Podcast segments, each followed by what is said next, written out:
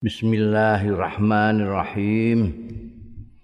Qala al-muallif rahimahullah wa nafa'ana bihi wa bi ulumihi fid dharain amin. Babu sifati salatin nabi sallallahu alaihi wasallam wa imatatil adza lan bab imatatil adza. Bab iki tentang sipate salate Kanjeng Nabi Muhammad sallallahu alaihi wasallam lan bab nyingkrihake aza aza iku piloro sesuatu yang membuat sakit orang.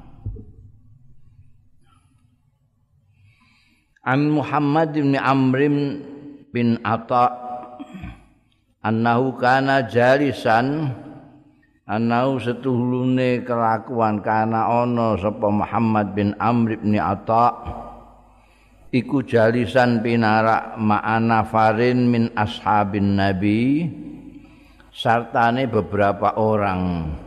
Nafar itu beberapa orang itu ya sekitar 1 sampai 10 lah nafar itu. Nafarain salah satu nafar. Nah, sampai apa 10 beberapa orang.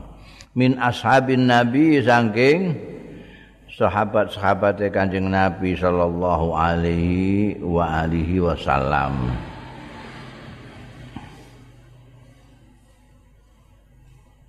Ashab itu sebetulnya istilah ya istilah akrab dari murid sebetulnya. Jadi kanjeng nabi itu eh, memposisikan diri tidak sebagai guru dengan murid tetapi sebagai kawan belajar. Padahal semuanya murid-muridnya belajar dari beliau. Beliau menyebutnya ashab. Nanti belakangan juga dipakai oleh ulama-ulama salaf. Ashab itu di pengertiannya ya itulah orang yang mengikuti. Orang yang mengikuti. Tidak disebut murid biasanya disebut murid itu yang mengikuti mursyid. Hmm, dan mengikuti torikoh itu ada kiainya yang mulang torikoh disebut mursyid. Kemudian murid itu orang yang sebetulnya menuju menginginkan sampai kepada Allah. Murid itu asal maknanya dari aroda yuridu murid. Orang yang menghendaki sampai ke Allah Jadi minta petunjuk sama orang yang bisa menunjukkan petunjuk itu irsyad. Yang menunjukkan namanya mursyid. Tak dohne niku ning kono Gusti Allah iku. Nek Kanjeng Nabi aku ashab iku itu pengikut-pengikut Kanjeng Nabi Muhammad sallallahu alaihi wasallam sing ngaji karo Kanjeng Nabi. Nah ini pada suatu hari Muhammad bin Amr bin Atta ini lenggan bersama-sama beberapa sahabat eh, Kanjeng Rasul sallallahu alaihi wa alihi wasallam. Fadzakarna salatan nabi mongko nutur ingsun salatan nabi ing sembayange Kanjeng Nabi sallallahu alaihi wasallam. Faqala Abu Humaid As-Sa'idi Mongko ndika sapa Abu Humaid As-Sa'idi ana kuntu ahfazukum li sholati Rasulillah. Utawi ingsun kuntu ana sapa ingsun. Iku ahfazukum sing paling ngreksa sapa ingsun paling ngreksa ira kabeh li sholati Rasulillah marang sembayange Kanjeng Rasul sallallahu alaihi wa alihi wasallam. Aku paling ngeling-ngeling tak titeni tenan mungkin saya yang paling titen paling eling paling menguasai salate Kanjeng Rasul sallallahu alaihi wasallam. Ale raaituhu ningali sapa ingsun ing Kanjeng Rasul sallallahu alaihi wasallam idza kabbara narikane takbir sapa Kanjeng Rasul sallallahu alaihi wasallam ja'ala yadaihi ndadekake ya Kanjeng Rasul sallallahu alaihi wasallam. Yadai ing asta kaliye Kanjeng Rasul sallallahu alaihi wasallam. Khiza amangkibaihi setentang searah pundak kaliye Kanjeng Nabi. Allah Wa idza raka'a lan tatkalane rukuk Kanjeng Rasul sallallahu alaihi wasallam amkana yadai netepake ya Kanjeng Rasul sallallahu alaihi wasallam. Yadaihi ing asta kaliye Kanjeng Rasul sallallahu alaihi wasallam min rukbataihi saking dengkul kaliye Kanjeng Rasul sallallahu alaihi wasallam. Summa hasara mongko keri-keri melengkungkan apa melengkungkan itu? Eh? Apa cara jawane melengkungkan eh? Eh? Nek nunduk mau ngene tok iya nunduk. Ngene ya nunduk? Melengkung ya kaya kowe nek rukuk ngono kuwi lho. Zahrahu ing gigire Kanjeng Rasul sallallahu alaihi wasallam. Paham kowe pokoke ngono iku rukukmu itu Wa idza rafa'a ra'sahu maka tatkala ngangkat sapa Kanjeng Rasul sallallahu alaihi wasallam ra'sahu ing mustakane Kanjeng Rasul sallallahu alaihi wasallam istawa. Mongko jejeg Kanjeng Nabi kata yauda sehingga bali. Apa kulo kafare fakarin sekabehane tulang punggung itu apa jenis gegere yang nabi tulang punggung ini kembali ke tempatnya. Asalnya di gini kembali ke tempatnya. Ilamakani marang panggonane ulu kefarin.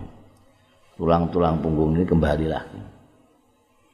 Pak Ida sajadah mongko nalikane sujud ya Kanjeng Rasul sallallahu alaihi wasallam wa dha'a yadaihi nyelehake ya Kanjeng Rasul sallallahu alaihi wasallam.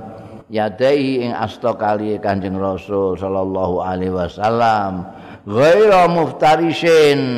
Orang dekem dekem iku kaya singa ngono kae. Dadi iki sak anune ditembakno orang ngene. Sujud. Lengene dilebok didosok ngene. Dekem orang ngono yadaihi ghairu muftarisin. Wala qabidihuma ya ghairu muftarisin wala qabidihuma. Lan orang gegemake yadaihi wastaqbala lan madhep wastaqbala lan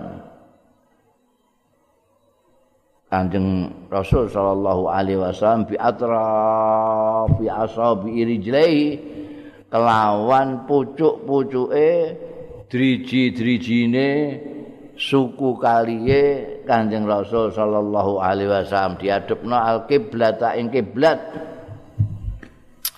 Fa idza jalasa mongko tatkalane pinarak Kanjeng Rasul sallallahu alaihi wasallam fi rakaataini dalam rakaat dua jalasa mongko pinarak Kanjeng Rasul sallallahu alaihi wasallam ala rijlihil yusra. Ing atase sukune Kanjeng Rasul sallallahu alaihi wasallam al yusra sing kiwa.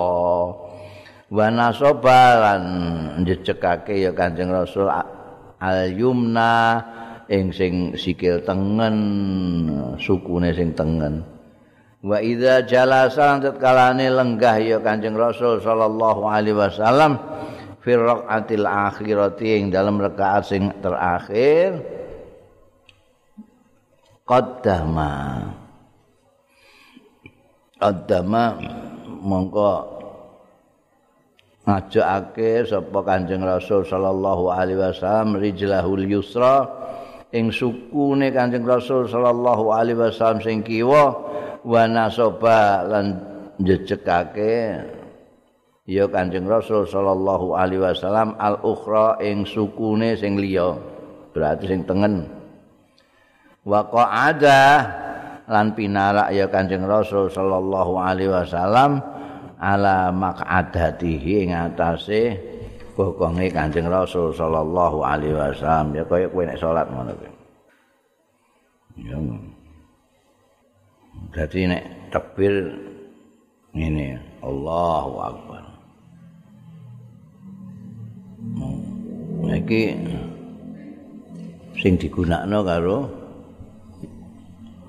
Imam Syafi'i ya, macam itu ya karena Imam Bukhari itu mazhab Syafi'i itu. Allahu Akbar. Nek Maliki Allahu Akbar lepas ora sendakep kan. Dadi kowe nang nek kaji utawa umrah ana wong sembayang ora sendakep ngene.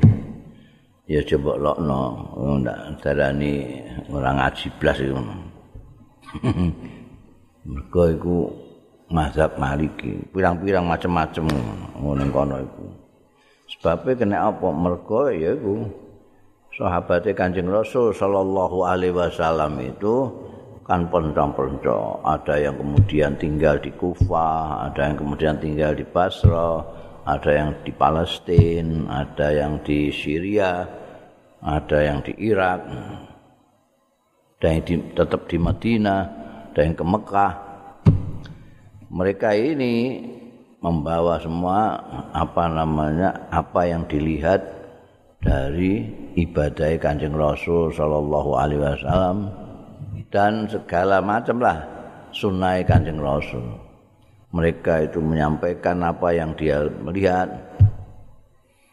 Dan apa sahabat ini ada yang menceritakan kepada tabiin saya melihat kanjeng Nabi itu sholat takbirnya begini. Terus begini maka dia akan menceritakan lagi ke tabiin seperti itu. Ana sing nitakno kanjeng Nabi lurus gini. Nah, itu nanti yang kemudian menjadi mazhab-mazhab sampai empat itu. Gue kepengen ora kagetan ya pelajari semua yang empat-empatnya itu. Di samping yang sudah kita pelajari sejak kecil yaitu alam mazhab alam mazhab syafi'i ya. Imam Syafi'i yang kita pelajari dari Imam Syafi'i.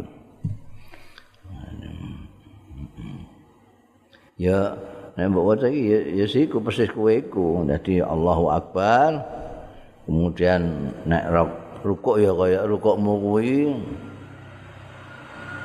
Tangan di tempel ning lutut dulu kemudian mengkelungkan geger ini sampai kencang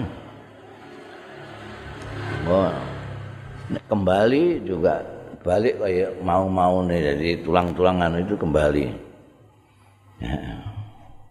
Wina salatmu kaya Kanjeng Nabi Muhammad sallallahu alaihi wasallam. Iku kowe sehat. Hmm. Iku ana metode penyembuhan yang nganggo salat. Wong sing salate ora pati bener itu ya ana gangguan sarap kecepet, ana sing rematik, ana segala macam itu. Kanjeng Nabi kan contoh orang yang paling sehat. Konon Kanjeng Nabi gerah sampai itu ya cuma sekali ketika kapundut itu. Dan itu pun menurut riwayat karena asar daripada racun yang di racun yang wedok Yahudi itu. Karena kanjeng Nabi menjaga kesehatan, menjaga kebersihan dan sholatnya itu oh ora usah senam atau yoga barang. Wah, sholat itu aja pas caranya ya pas no bean sholat sifatnya sholatnya kanjeng Rasul Sallallahu Alaihi Wasallam. Sakit terus ya iku soalnya ora biasa biasa kan padha karo kowe nek senam bareng yoga bareng pertama kali mesti lara kabeh lara kabeh. Jadi rukuk ngene iki sing ora biasa ya walah lara kabeh iki kalau tak krotok muatek aku. Nah, iki tulang igaku copot sitok iki no. Hmm, tapi nek biasa kan enggak apa-apa biasa. Ora sendeku ngene, tapi nek sujud sujud itu satu dua tiga empat lima enam tujuh tujuh enggak tahu pempek jadi salat itu itu bukan hanya olah jiwa tapi olah raga juga. Mereka semuanya itu tergerakkan semua. Jadi olah raga. Nanti ini raga ini juga olah jiwa. Karena kita zikir. Makanya sering disebut juga sholat itu zikir yang paling zikir. Karena yang zikir tidak hanya lesan tidak punya hati tapi enggak utuh juga ketika kita sujud kita tidak hanya meletakkan utuh kita yang paling mulia, yang paling tinggi ke tempat yang paling rendah tapi juga kita mengucapkan subhana rabbiyal a'la. Kita merendahkan diri dan mengucapkan subhana rabbiyal a'la. Ya terpesona dengan ketinggian yang luar biasa tingginya. Subhana rabbiyal a'la. Tuhan yang maha tinggi. Ketika kita anjrotkan kepala kita ke bawah. Makanya sujud itu disebut-sebut sebagai sikap di mana hamba paling dekat dengan Tuhannya. Ketika kita sujud dengan posisi yang seperti digambarkan dalam hadisnya ini Abu Humaid As-Sa'idi ini itu betul-betul menunjukkan betapa seorang hamba itu sujud ambil sujud itu sudah jadi bahasa Indonesia Eh, merendahkan serendah-rendahnya diri kita untuk mengagungkan dan meluhurkan seluhur-luhurnya Tuhan kita. Mane apa jenenge? Wong nek gak tahu sujud itu ketok melete utawa sujude ora pati bener. Itu terus melete ya. Mlete iku tegese ya mlete. Melinti gitu. Tapi nek biasa sujud dengan benar, dia tahu dia itu tidak lebih tinggi dari tanah. Tidak lebih tinggi dari tanah sebagai unsur dirinya sendiri. Ya, kita kan dari tanah. Sing Ya sak durunge salat iki mau wis muni Allahu Akbar. Ketika tangannya diangkat itu tadi. Iza kabaro ja'ala yadai kita amankibe. Allahu Akbar. Itu sudah kita sudah tidak bisa membesarkan diri kita sendiri sudah ketika kita bilang Allahu Akbar kita itu sangat kecil sekali. Sangat kecil sekali. Ngomong Allahu Akbar tapi saya gede nawa ya. Saya tidak bisa mengecilkan dirinya sendiri. Ya itu omong kosong, cangkem tok itu. Tobar takbir tapi nggak ngerti maknanya. Takbir itu Allahu Akbar. Begitu ini yang disebut takbiratul ihram, masuk kita ke dalam ke dalam sholat itu diawali dengan mengecilkan diri kita sendiri untuk supaya kita bisa melihat dalam tanda kutip kebesaran Allah yang sangat besar.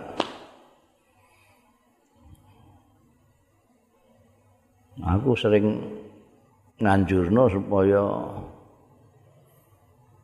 sing ngerti YouTube buka YouTube dengan kunci al art atau art atau bumi buka. Klik. Cari ini gini. Gambare apa jenenge? Surya Kanto itu klik. Ngono tulis uh, utawa al art utawa bumi ngono ae sak isamu bahasane. Terus klik. Nanti akan muncul beberapa gambar tentang bumi. Engko terus delok itu bumi dari yang sebesar segini terus disandingkan tadi disandingkan hanya dengan bulan. Jadi kita kelihatan gede dewi kemudian diginikan terus tampak yang lain. Mars, Jupiter tapi turut sampai Plato ginikan lagi ada yang gede sekali. Dan kita bumi jadi tambah jadi kecil sekali. Karena itu segini ini matahari. Jauhkan lagi ternyata ada yang berlipat ratusan kali dari matahari. Terus itu gak ketok bumi itu gak ketok gak kelihatan kecil sekali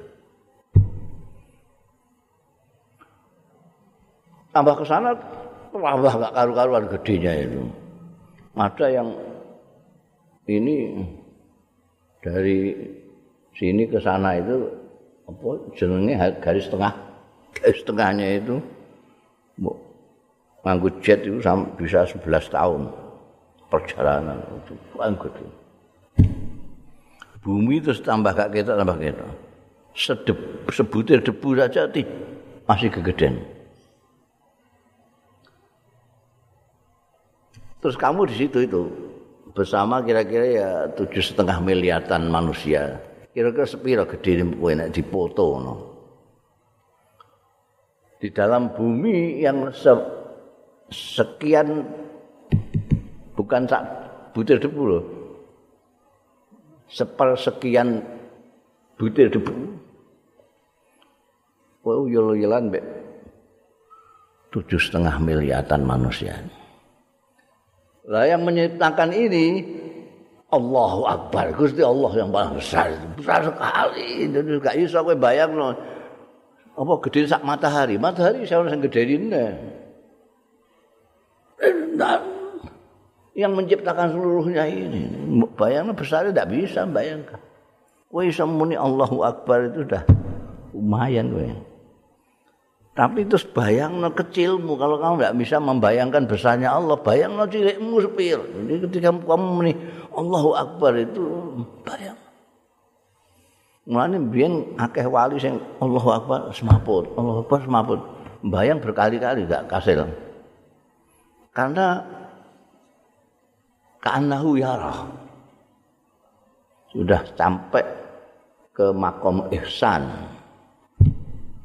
ya budullah kanahu yarah minimal dia merasa dilihat oleh yang maha besar dalam bumi yang kecil dia itu sepiro kecil ini. Ya, saya ini muni Allah Akbar cengengesan. Allah Akbar tinggal demo ini paham orang terus demo ini perkara pilkada. Bayang loh iki bumi sing cuwilike sak besar digedhekno sak debu lah. Nang kok sepersekian debu kok ndak kangelan gambare kangelan. Ya sak debu aja sebutir debu. Bayang sak butir debu iki. Iku oh, TPS TPS itu apa gak tempat pemungutan suara ini di lho kok padha pecicilan? Undang-undang Gusti Allah taala. Dikongkon milah milih calon. Calon di calonmu itu golek ini gue butir debu ini dunia itu sangat sepele. Kecil bukan hanya kecil cepat kecil sekali. Jadi orang paham wong-wong sing ngantek membesar-besarkan kehidupan dunia sedemikian rupa sampai tukaran kalau dulu gara-gara pilkada itu belas ini gak memahami arti Allahu Akbar. meskipun setiap saat muni Allahu Akbar. Wah itu ngeri nek kowe eling kowe Allahu Akbar. Asa apa-apa. Allahu Akbar nanti eling nona. Nanti setiap kali kamu menyebut Allahu Akbar minimal kamu ndak iso annaka yarahu tarahu ya kamu bayangkan kamu di dalam sebutir debu. Hmm. Jadi pas sembahyang ra ono wong model-model melete barang ono sombong barang itu sombong napa? Wong sekecil itu. Eh mbok sombong napa? Aku duwe omah pitu kok. Omah pitu ndi jek? Mbok delok, omahmu sing pitu sing ndi? Delok. Eh? Mbok delok ning gone sebutir debu iku.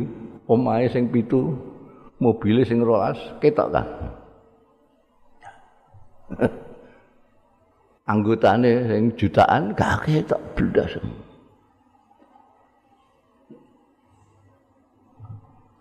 Allahu Akbar itu betul-betul bedir. Begitu kita masuk dalam salat Allahu Akbar sudah semuanya hilang semua. Sekarang hilang. Umni Allahu Akbar tangan sih geramah-geramah. Gimana gajeke sewu kok cilik ngene lho. Grayang-grayang dhuwit ya Allah.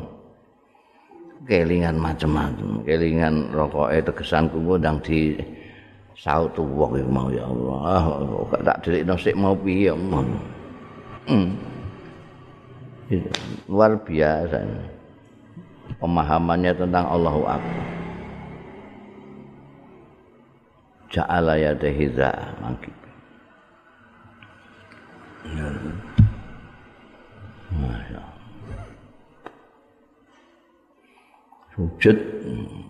mu itu loh, itu sudah kamu bayangkan subhana rabbiyal a'la. Ketika kamu membaca subhana rabbiyal a'la dengan batuk di tanah, dengan kepala yang paling dur, yang paling hormati itu di bawahnya dan mengatakan subhana rabbiyal a'la. Iso enggak kowe mbayangno luhure Gusti Allah sepiro? Wong lagi dure lintang sing mbok lihat Bintang-bintang yang kamu lihat sekarang ini itu bintang 8 tahun yang lalu.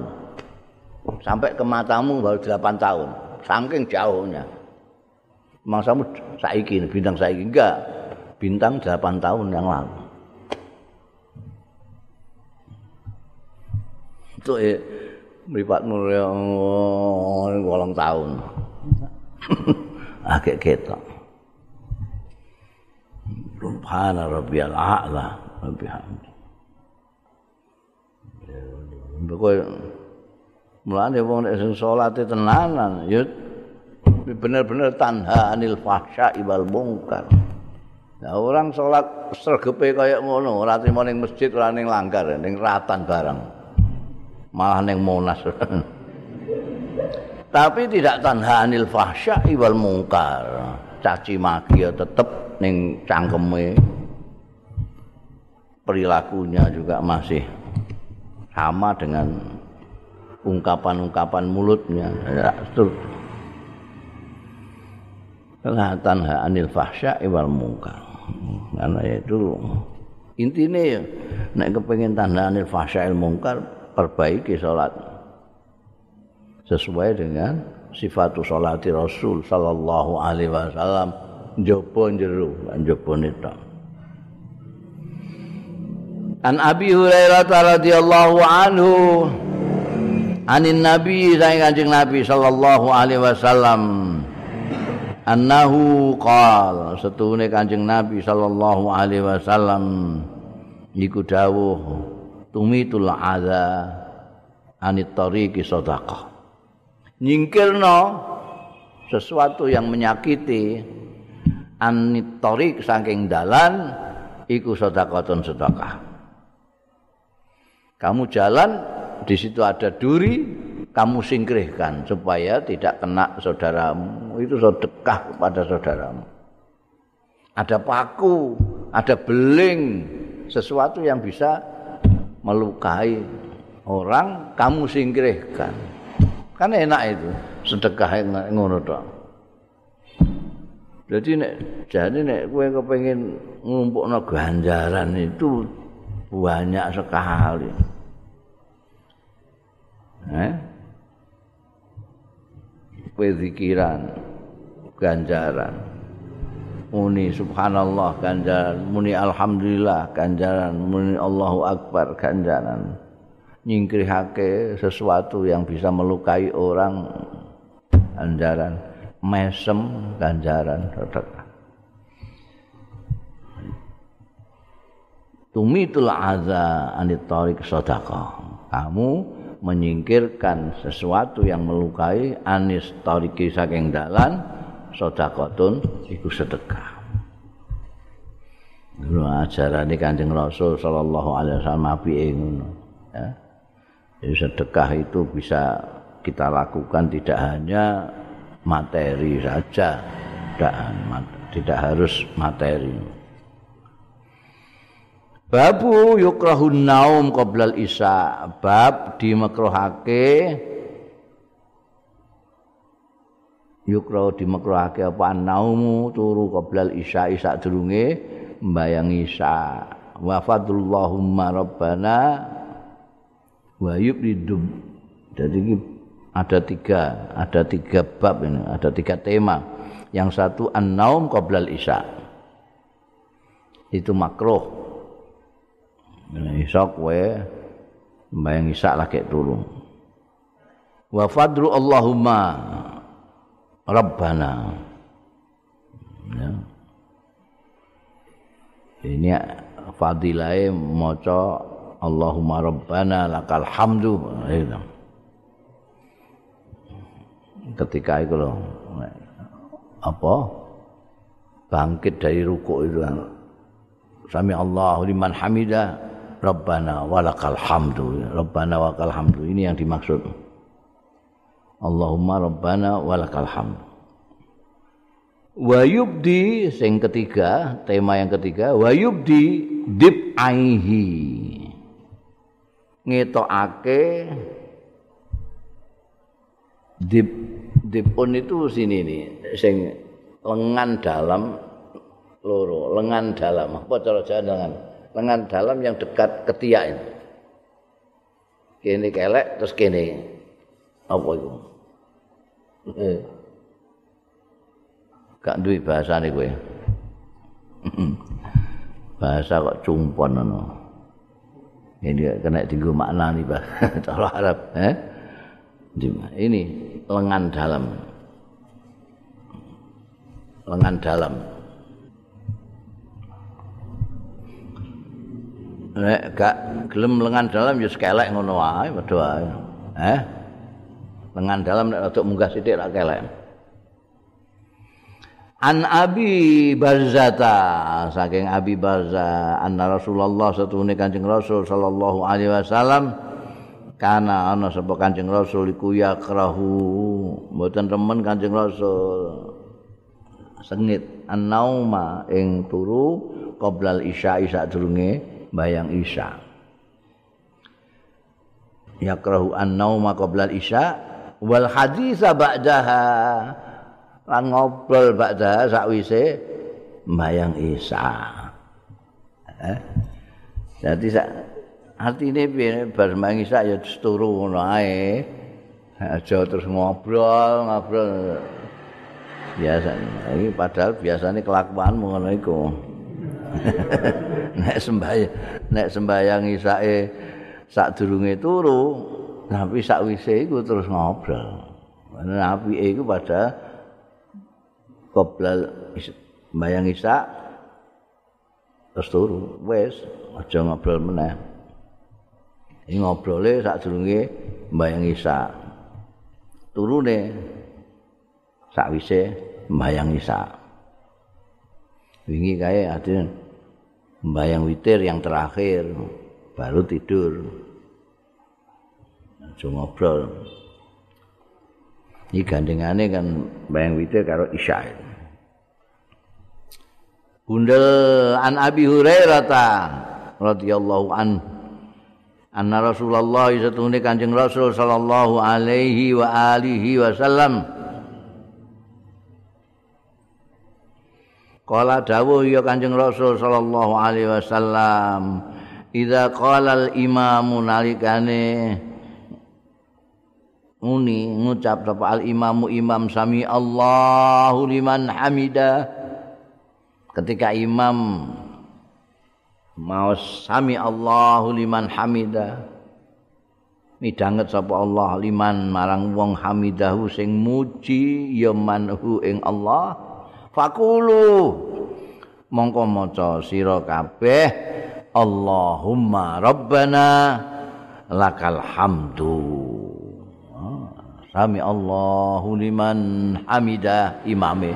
Kowe meni Allahumma rabbana lakal hamdu Duh Gusti Allah Rabbana pangeran kula laka kagungane panjenengan piyambak. Alhamdulillah sekepe puji. Kowe nek ngono fa innahu mongko sedune kelakuan. Iku man utahe sapaning wong. Wafaqa sing ngepasi apa kauluhu ucapane macane man mau kaulal malaikati ucapane para malaikat hufira lahu ma taqaddama min mongko di ngapura lahu kedue man apa madosa taqaddama kang wis dhisik? Ya ma min dzambi saking dosane. Ya. Apa ana wong salat iku malaikat itu melok salat banyak malaikat. Kuwi nek sembahyang iku malaikat melok sembahyang jamaah ngono iku. Ora mok kowe tok sing jamaah malaikat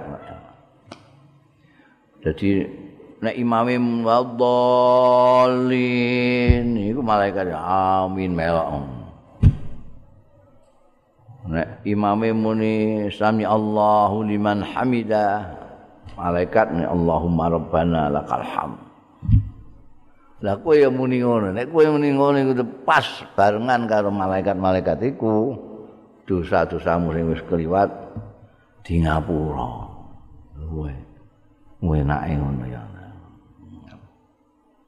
Mulane aja aja kesuwen, aja kesuwen terus aja kecepeten. Imame lagi sami Allah walhamdu. Kondisi imam. Utawa imame sami Allahu liman hamidah. ndlewes wilake Allahumma rabbana lakal sing pas begitu imame sami Allahu liman hamidah langsung Allahumma rabbana lakal hamd. Insyaallah pas karo malaikat. Nek pas karo malaikat hufira lahu ma taqaddama min dzambi wa an Abdullah bin Buhaina ta'anna nabiyya satune kanjeng Nabi sallallahu alaihi wasallam. Kana ana. Iya kanjeng Rasul sallallahu alaihi wasallam. Idza shalla nalikane salat iya kanjeng Nabi sallallahu alaihi wasallam farraja baina yadai benggangno iya kanjeng Nabi sallallahu alaihi wasallam baina yadai antarane asta kaliye nek wong wedok menjeru gini wong lanang kaya Kanjeng Nabi. Farraja baina yadai. Aja ngene kaya wong wedok. Karena benggangno yadai gini ini khatta yabdu sehingga tampak apa bayadu ibtaihi putih-putihe ketiak duane kelek karun kelek lorone Kanjeng Rasul sallallahu alaihi wasallam ya. mergo benggang benggang terus kelihatan. Terputih bayar ora witeng kaya kelek ngono. Bayar ibtai ini dudono kanjeng Nabi itu memang menjaga kebersihan bukan hanya giginya aja yang seperti mutiara Tapi ketiaknya putih. Akbar ya. Yabdu bayadu Itu mergo benggang. Babu sujud ala sab'ati azumin. Bab sujud ing atase pitu pira-pira balung. An Ibnu Abbas radhiyallahu anhuma. Saking sahabat Abdullah bin Abbas radhiyallahu anhu maqala ngendika sapa bin Abbas qala nabiyyu dawuh sapa Kanjeng Nabi sallallahu alaihi wasallam umirtu diperintah sapa ingsun nek Gusti Allah sing perintah an asjuda yen to sujud sapa ingsun ala sab'ati azumin ing atase pitu pira-pira ngauta pira-pira balung. Ghairal jabhati, iya ghairal jabhati ya. Liyane bathuk. Wa asara lan paling isyarat. Iku ana riwayat sing eh ora ghaira tapi ala dadi alal jabhati. Tapi alal jabhati ngemak kudu nek keterangan mergo iki wa asyara biadi. Lan aweh isyarah sapa Kanjeng Nabi sallallahu alaihi wasallam biadi lawan asane Kanjeng Nabi ala anfihi. Nah iki riwayat iki ghairal jabhah ala anfi ing atase irung. Grana bahasa Romo Inggris grono grono ne Kanjeng Nabi. Wal yadaini asto kali Kanjeng Nabi nek tanpa jabah berarti sudah tiga ini. Waruk bata ini lan dengkul loro. Sudah lima. Wa atraf qadama ini lan pucuk-pucuke dalamaan loro. Itu sudah tujuh. Nah sing riwayate alal jabha wa asara bil anfi. Itu artinya jabah ini juga termasuk hidung. Itu yang harus diletakkan tujuh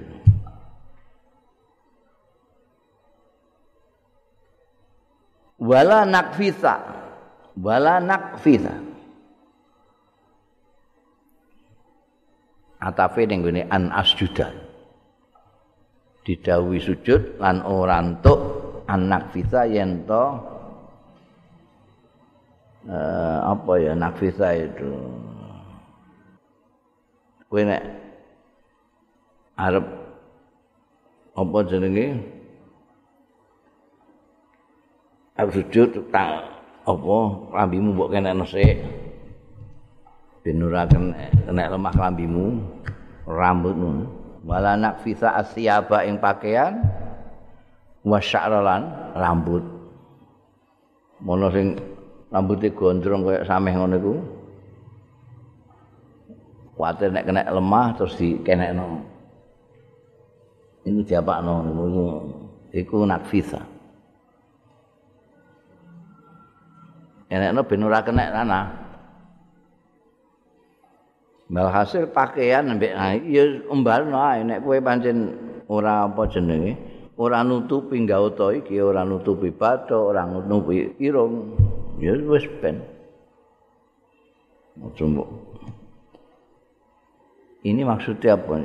Karena kaftul setiap basyar itu menunjukkan keangkuhan. Jadi gak gelem pakaiannya kotor.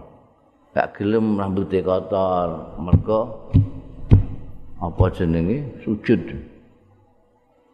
Kok sujud? Ojo bayangno sujudnya kayak ngene iki ya ngene. Sujud biyen niku lemah blok-blok iku. Masjid itu juga lemah. Kok dipadatno ngono lemah. Nek hujan, gue becek kabeh. Nah ini ulama-ulama ngendikano kamu sembayang nganggo sajadah iku makruh. Saiki kan dienggo justru sajadah dienggo simbol ngibadah, dienggo simbol. Padahal itu simbol keangkuhan manusia. Batuke iku iman-iman nemplek lemah iki. Padahal ndek ning kowe ya bakal ning lemah kono iku ora batuke dibuka malah. Kok ora latihan. Tak kira templekno ning lemah, eh? berakrab-akrab dengan tanah. Eh, tanah, tanah. Iki lho aku tak ambung kowe. Engko aku aja mbok pletet ya. Ngono. Iki lho nek kowe mbok kei sajadah sing tebal apik ngono. Wah, sajadah mahal. Ngono tanahe wah mlete tenan iki. Gak gelem kesel. Ndak mau kesentuh aku dia. Hebat sekali batuknya. Mulia sekali. Awas engko nek. Rena plenet kewapok. Apa sing dikunutupi engko? kain semono pas-pasan. Jadi sekali lagi salat itu justru tampilan kawula yang menunjukkan kekawulaannya yang sebenarnya. Jadi isih mbok kita kok gak pati ikhlas ngono lho, kowe dadi kawula iki. Kambimu nek mbok cincing-cincing, rambutmu kenekno barang. Kuatir nek kena tanah kan. Usut. Api-apian sajadah saiki sajadah ya. Jadi sajadah itu makruh bukan hanya karena gambar ya. Oh, eh, saiki sajadah ana gambar. Ana gambar ketek barang. Ini sembahyang ndelok gambar. Iki kok Ka'bah kok ngene iki bener ngene iki rupane kan. Karena gambare Ka'bah menceng-menceng ngene. Iku sudah mengurangi kekhusyuan. Belum lagi yang ada di dalam hatinya itu. Ini tidak mau kotor kan gitu. kita tidak mau kotor. Padahal kita itu kotor dari awal. Kita itu dari tanah kok. Maka kita bersihkan dengan mengikuti ajarannya kanjeng Rasul Sallallahu Alaihi Wasallam. Caranya membersihkan itu luar dalam. Orang kok mau jaban itu diraupi segala macam. Tapi di dalam ini juga harus bersih. Wudhu itu tidak hanya lahiriah saja, batin juga gitu. Kita lepaskan semua keangkuhan kita sebagai orang yang diembel-embeli jabatan. Bupati, gubernur, presiden, kiai, ustadz, anggota DPR, tetek bengek segala macam. Itu nanti kan lepas semua. Jadi kamu saja. Kan terus saiki kan api-apian sajadah. Eh? Sajadah nggombal ngono iku. Wis sembayang bareng bupati sajadah apik. Udah ada. Kemudian anda sembayang itu wis demokratis sekali. Semua kaulane Gusti Allah. Kalau di masjid itu ndak usah, ndak pakai. Saiki kan dikai. Aku tahu sembayang neng Istiqlal ana tulisannya Gusmus ngarep dhewe. Terus lagian presiden aku presiden. Iku sing gawe ngono iku protokoler. Biyen sing nggone ngarep Kanjeng Nabi liyane sapa wae sing teko dhisik.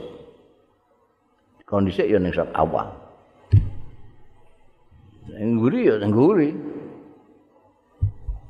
Yo saiki teko ning nguri tapi ana jenenge ning kono. Eh, nyingkirna wong-wong supaya iso linggih ning ngarep. Ya itu kan keangkuhan manusia itu masih dibawa-bawa dalam beribadah. Ini Gusti Allah.